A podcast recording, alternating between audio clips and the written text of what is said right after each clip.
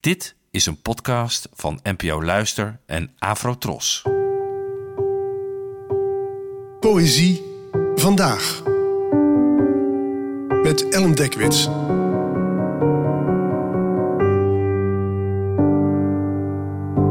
Hallo, fijn dat je luistert. Het gedicht van vandaag werd geschreven door de Nederlandse dichter Gerard Reven, geboren in 1923 en gestorven in 2006, en het heet Dagsluiting. Dagsluiting. Eigenlijk geloof ik niets en twijfel ik aan alles, zelfs aan u. Maar soms, wanneer ik denk dat gij waarachtig leeft, dan denk ik dat gij liefde zijt en eenzaam, en dat in dezelfde wanhoop gij mij zoekt, zoals ik u. Mensen vragen wel eens aan mij of er ook zoiets als uh, slechte poëzie bestaat. En dat, die bestaat er zeker. Een groot deel waarvan schreef ik als tiener. En als ik aan hen vraag wat zij dan weer mindere gedichten vinden, wordt dit vers van Gerard Reven wel eens genoemd. Sommige mensen vinden dat hier te veel bombastische woorden in zitten, zoals liefde, waarachtigheid of dood. En anderen vinden het weer te abstract. En dan is er ook nog een groep die het slecht vindt, omdat het over religie gaat.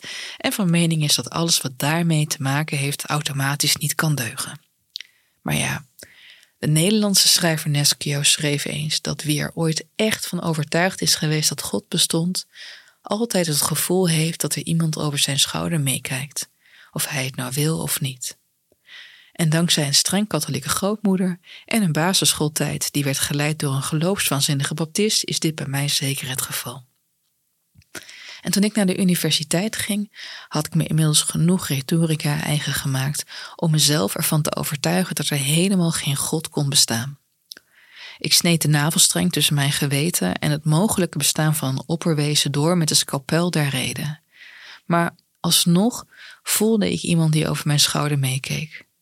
En ik moest denken aan mensen die een arm of een been hadden verloren en desondanks nog steeds pijn of warmte met het verdwenen ledemaat konden ervaren. Ik had met betrekking tot God last van fantoompijn. En juist op dat moment kwam de poëzie van Gerard Reven voorbij.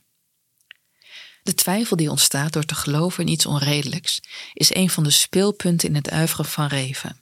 En in weinig andere stukken van hem wordt de problematiek daarvan zo mooi verwoord als in dit gedicht. De abstractie, het bombast, de tegenstrijdigheden, alles raakte me.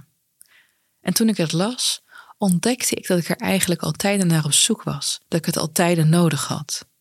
En trouwens niet alleen ik. Ik zie hoe Reven aanslaat bij mijn eigen leerlingen, nog steeds.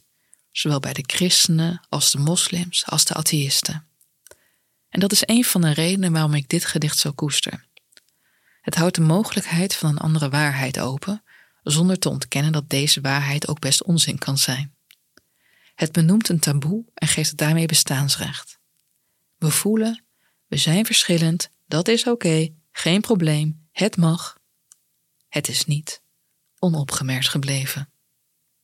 Bedankt voor het luisteren en tot de volgende keer. Afro Tros, de omroep voor ons.